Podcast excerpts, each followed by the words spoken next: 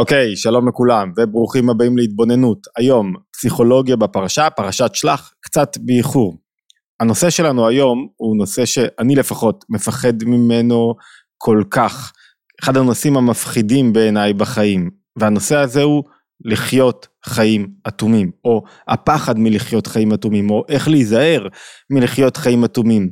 מה זה בעצם חיים אטומים? חיים אטומים זה חיים שבהם אתה לא מתרגש יותר. אין לך התעוררות. הרגשות שלי מנותקים מהמעשים, מהדיבורים, מה, מה, מהפעילות שלי, אפילו מהמחשבות שלי. מה הכוונה? לא מתרגש יותר מהבית שלי. איזה פחד זה. לא להתרגש יותר מהזוגיות. אני יודע שזה קורה ללא מעט זוגות. זה אחד הדברים שבדרך כלל קורים לשני בני הזוג ביחד, כי כשבן זוג אחד מתרחק, גם השני מתרחק, ופתאום אתה קם בבוקר, זה, זה לא פתאום, זה אורך זמן של הזנחה, של היעדר התבוננות והיעדר עבודה זוגית, אבל פתאום קמים בבוקר ומסתכלים ואין לך יותר התרגשות, אין יותר תשוקה, אין יותר התלהבות, אין לי, אני אומר כן מאמי, ולא חש שום דבר, ולא מתעורר. עכשיו אין בני זוג שאין להם עליות ומורדות, אין דבר כזה, עליות ומורדות מהבחינה הרגשית, מבחינת גילוי הרגשות, אבל אחת המשימות המרכזיות זה לתפוס את נקודת הריחוק, להתגבר עליה כמה שיותר מהר, לחזור לנקודת הקירוב, לעורר מחדש את הרגשות, ללמוד לעורר מגוון של רגשות בנפש. וכשהחיים אטומים, זה שלא מתרגש יותר. זאת אומרת, אולי תיאור לא פחות טוב לחיים אטומים זה קרירות, שאני קר ב... במסגרת היחסים בה מדובר, לקחנו דוגמה של אה, זוגיות, אבל זה יכול לקרות גם בעבודה. קם בבוקר לעבודה, עובד, למה? כדי לסגור את החודש. בעיניי, אני, שלא תשפטו אותי, או שאני לא שופט אף אחד, זה, זה די, די נורא, כאילו, מה זאת אומרת, אתה לא חי, אתה לא הולך לעבודה רק כדי להתפרנס, כל הערך שלי בא לידי ביטוי בעבודה, אז אם אני לא מתרגש מהעבודה יותר, ולא חי יותר את העבודה, ולא בא לי יותר להקליט, לא בא לי יותר להעביר שיעורים, לא בא לי יותר ללמד, לא בא לי יותר לכתוב, זה, זה, זה היעדר ערך משמעות ועניין, אתה מכבה את עצמך, וכשאין משמעות וערך, הבור ריק, יקפצו כל מיני דברים אחרים. חייבים לגלות ערך ומשמעות ועניין. או לא מתרגש פתאום מספורט, מעבודה, מעניינים. עכשיו, תמיד יש נקודות של שפל, ריחוק, קושי, התמודדות, כמו בזוגיות. שאלה כמה מהר אתה חוזר להטעין את עצמך באנרגיות נכונות שהן מתגלות בתוך המעשה שלך, בתוך הביצועים שלך, בתוך ההתנהלות שלך. צריכים להגיד ש...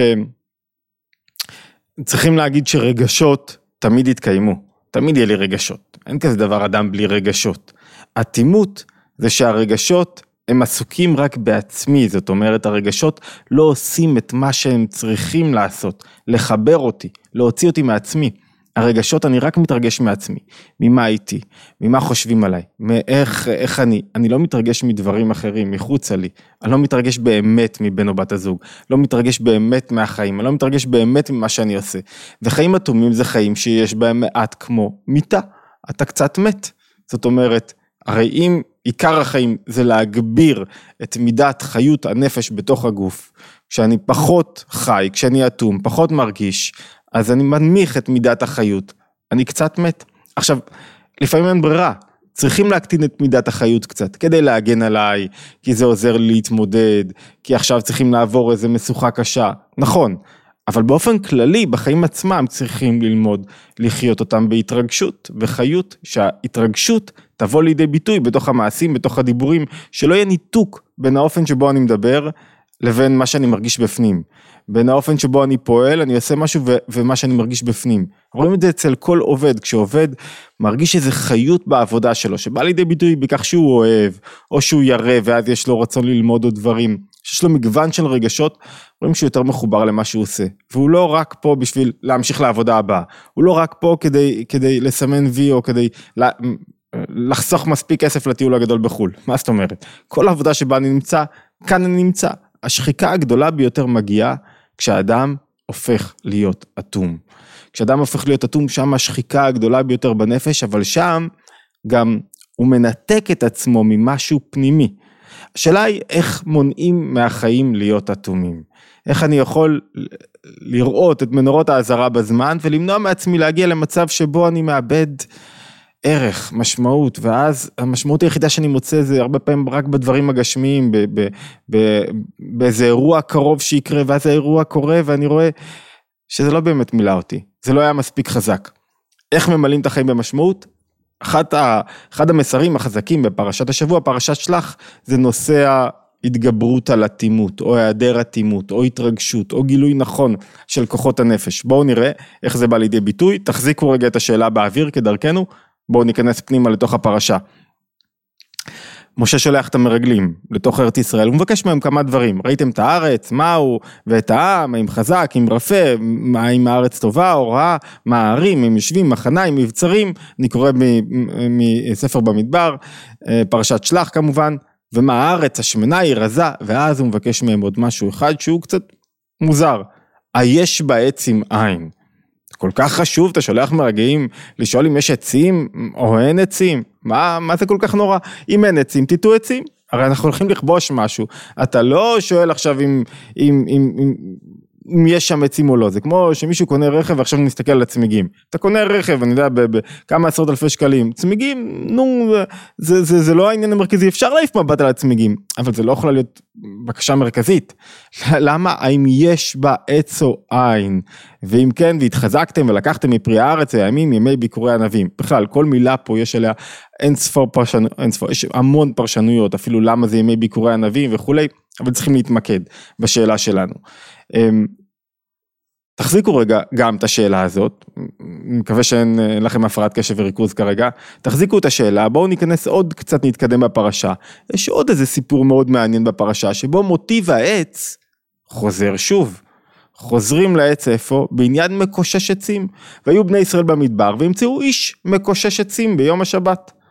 שבת שנייה שלהם אם אני לא טועה במדבר, ואז הם, הם, הם משה לא יודע מה עושים עם העץ הזה, מקרבים את, ה, את המקושש עצים, מתריעים בו, אומרים לו שבת היום, אל תקושש עצים, מי שלא יודע ולא מכיר, אסור, יש מחלוקת, דיון בגמרא במסכת שבת על איזה עבירה הוא עבר, אבל אסור לכאורה לצאת החוצה ולקושש עצים, מה הייתה, איזה אב מלאכה עבר המקושש, פחות רלוונטי כרגע לענייננו, ואז הם שואלים, שואל משה את הקדוש ברוך הוא, מה עושים עם מקושש עצים, עם החוטא הגדול? מה אומר לו? לרגום אותו באבנים, כל העדה מחוץ למחנה, נורא בפני עצמו. כולם, ואז משה מוציא אותו, את כל העדה אל מחוץ למחנה, ורגומים אותו באבנים, ומת כאשר ציווה את משה. וגם כאן השאלה, חסרות עבירות? זו העבירה הגדולה שמצאו כדי לרגום מישהו באבנים, מקושש עצים? למה דווקא מקושש עצים? מה, אין כל כך הרבה דברים אחרים שאנשים עושים ויכולות להיות עבירות נוראיות יותר בשבת מאשר לקושש עצים? מה העבירה הגדולה פה? אני רוצה לקחת אתכם לשלוש פרשנויות, אבל לסכם לכם אותם, כי בגלל שהיום קצר והמלאכה מרובה ואנחנו מעלים את השיעור הזה זמן קצר לפני שבת, אני רוצה שנספיק לי, שתספיקו לשמוע, שזה אולי העניין, כדי שתהיה ערך לשיעור.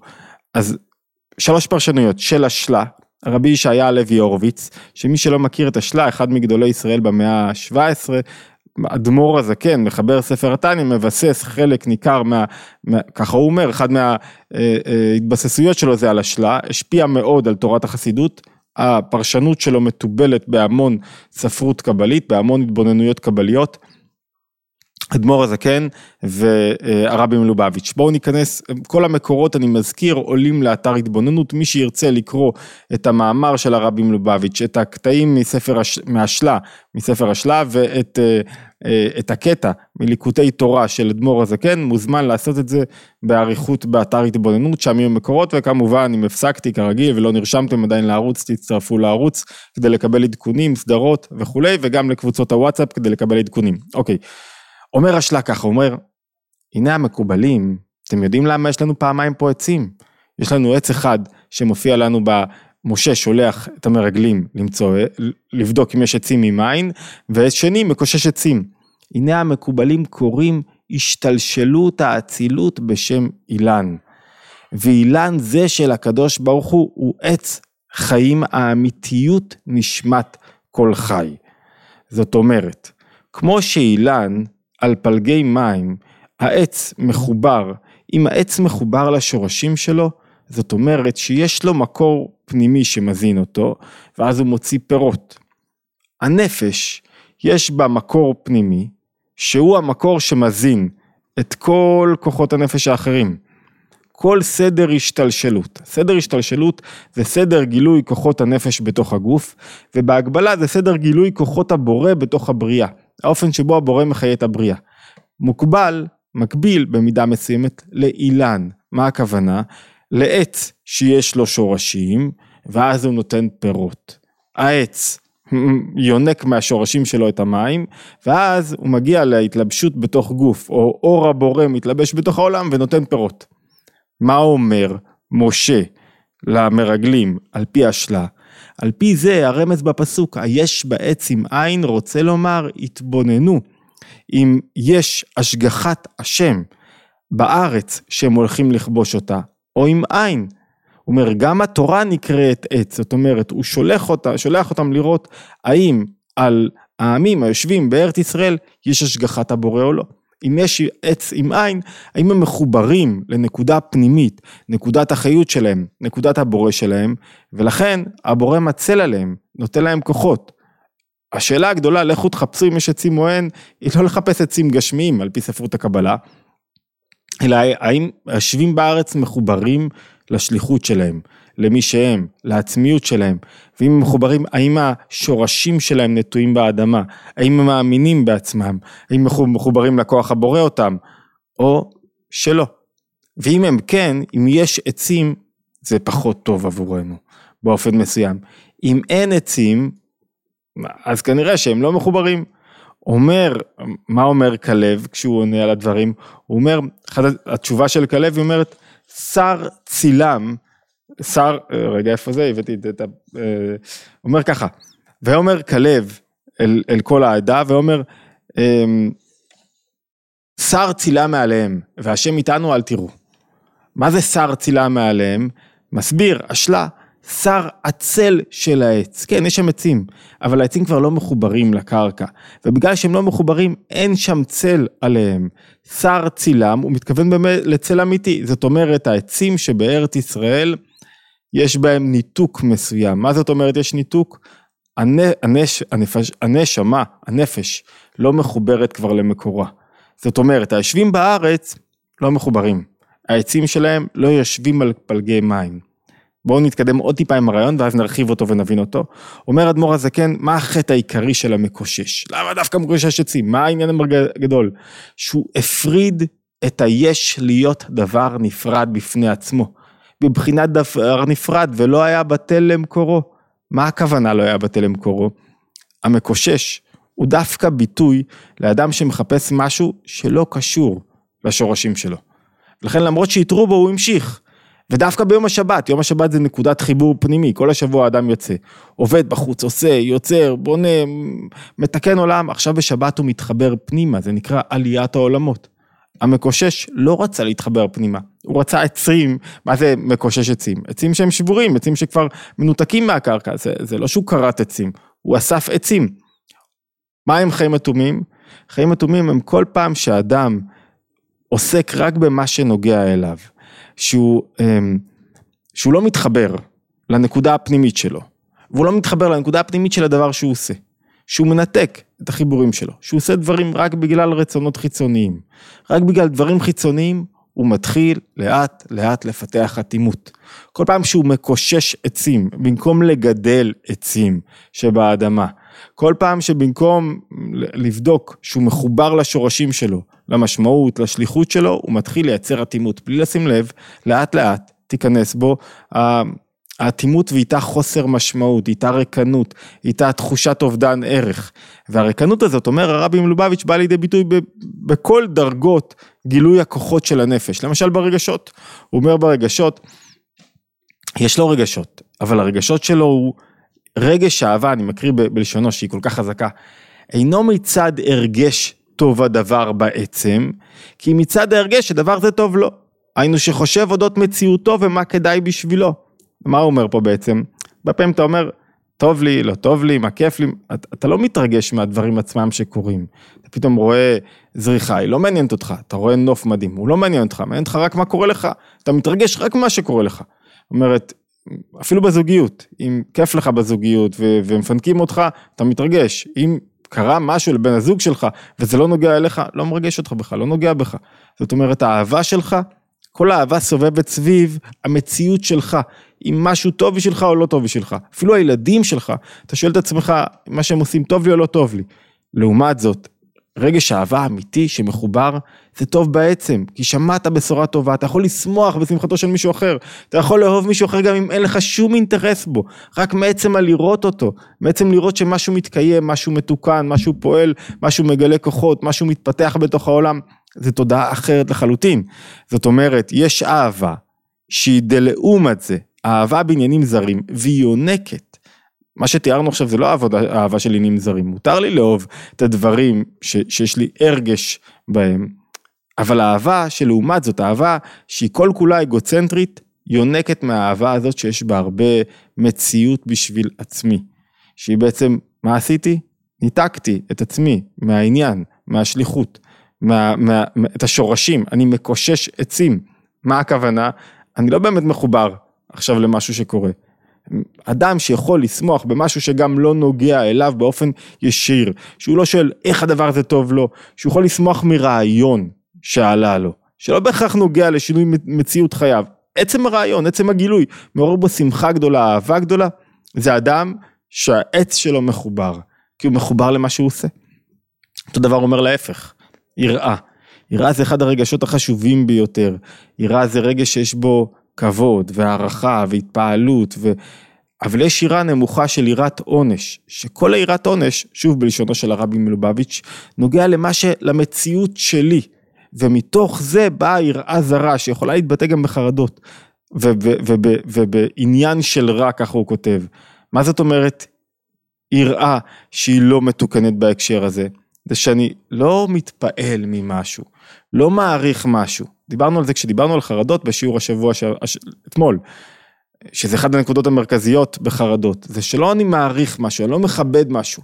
חרדה היא בעצם קריאה לכבוד, קריאה להערכה. במקום זה, במה אני עוסק? במה יקרה איתי, במה עם המציאות שלי, באיך אני לא רואים אותי, באיך אני אקבל או לא אקבל מהדבר. זאת אומרת, חיים אטומים הם חיים שיש בהם ניתוק. העץ, עץ זה סדר השתלשלות. סדר השתלשלות זה כל כוחות הנפש שהם בעצם כוחות החיים שמחיים את הגוף. העץ שלי ניתק ממקורו. מה זאת אומרת? יש לפעמים רגשות מנותקים ממה שאני אומר, מנותקים מהאחריות הפנימית שלי, מנותקים מהדבר עצמו, מהחיבור. למה אני אוהב את אשתי? בגלל תועלות, לא באמת מחובר, חיבור עצמותי, בלתי מוגבל, אחד איתנו, שכל הזמן צריך לעבוד עליו. זאת אומרת, חיים איומים הם אחת הסכנות המרכזיות של האדם, אומרת הפרשה. למה? כי האדם אה, עוקר את עץ החיים שלו, את השורש שלו, את החיבור שלו, וחי עכשיו חיים בלי משמעות, רק תועלות, רק אינטרסים, בלי ערך אמיתי, בלי שליחות אמיתית, בלי חיבור למישהו, בלי חיבור לעצם הנשמה שלו, בלי חיבור למהות הפנימית שלו, בלי שהוא שואל את עצמו שאלות. ואז ממילא הוא מת, כאילו, הוא, הוא, הוא, הוא מתהלך, הוא, הוא מת, הוא חי מת. זאת אומרת, לכן הגזרה הגדולה היא דווקא על מקושש עצים. והמטרה הגדולה שלנו היא שנצליח להתחבר לנקודה הפנימית, בכל הזמן, יותר, פחות, כל פעם אתה מחיה את עצמך על ידי זה שאתה נוטע חזרה את העץ שלך, שאתה מתקשר לשורשים שלך, שאתה שואל למה אני כאן ומה התפקיד שלי ומה השליחות שלי, לא במובן של עכשיו לחפש משמעות שתוציא אותי מאיזון, אלא מה אני צריך לעשות כרגע ופחות לעסוק במה האינטרס שלי כרגע, מה ההרגש שלי, מה אני מקבל מזה עכשיו. אותו דבר גם בשכל. יש מוחין שכל המוחין שלו הוא אינטרסי, אינטרסנטי, ויש מוחין שמוביל אותך לגילויים חדשים. ככל שאתה מתייגע יותר, אתה פתאום מגלה יותר דברים, ואז אתה מתחדש יותר בכל מה שאתה עושה. אוקיי, אז המשימה הגדולה של, אחת המשימות שעליה משה שולח את המרגלים, ב, אני אזכיר מקום נוסף, בהמשך תערב, מרגלים זה כוחות, אזהרה שאתה שולח אליך פנימה לנפש. מה זאת אומרת אתה שולח כוחות? להבין, לזהות את המצב שלך, איפה אתה עומד. למה סתם יש לי מצבי רוח? פתאום יש לי מצבי רוח, אין לך פתאום מצבי רוח, אתה פשוט לא יודע מה קורה פנימה, אתה, לא, אתה מנותק מהכוחות הפנימיים שלך, אתה פועל בעולם רק עם כוחות חיצוניים. משה שולח מרגלים לראות אם העצים שלי נטועים באמת, וכשהוא מגלה שיש כוח מסוים בנפש שהוא מקושש עצים, כוח מסוים בנפש שהוא לא מחובר לעצמיות, אז הוא מיד, הכוח הזה ממית אותי לחלוטין, אני לא רוצה לחיות כך, אני רוצה עצים מחוברים, בטח בזמנים שבהם אני יוצא רגע להתעלות, לקבל כוחות. יש זמנים שבעצם אתה צריך להגן על עצמך קצת, אתה יוצא החוצה, אתה פועל, אתה, אתה לא תמיד מחובר, אבל יש לך זמנים, שבת, זמן התעלות, שבה צריך להתחבר. אוקיי, פסיכולוגיה בפרשה, שלח, מוזמנים להצטרף לערוץ ולקבוצות הוואטסאפ. אה, רעיונות, הערות, שאלות, תמיד בתגובות ואשמח, שמח לענות ולהשתמע בהתבוננות היומית הבאה.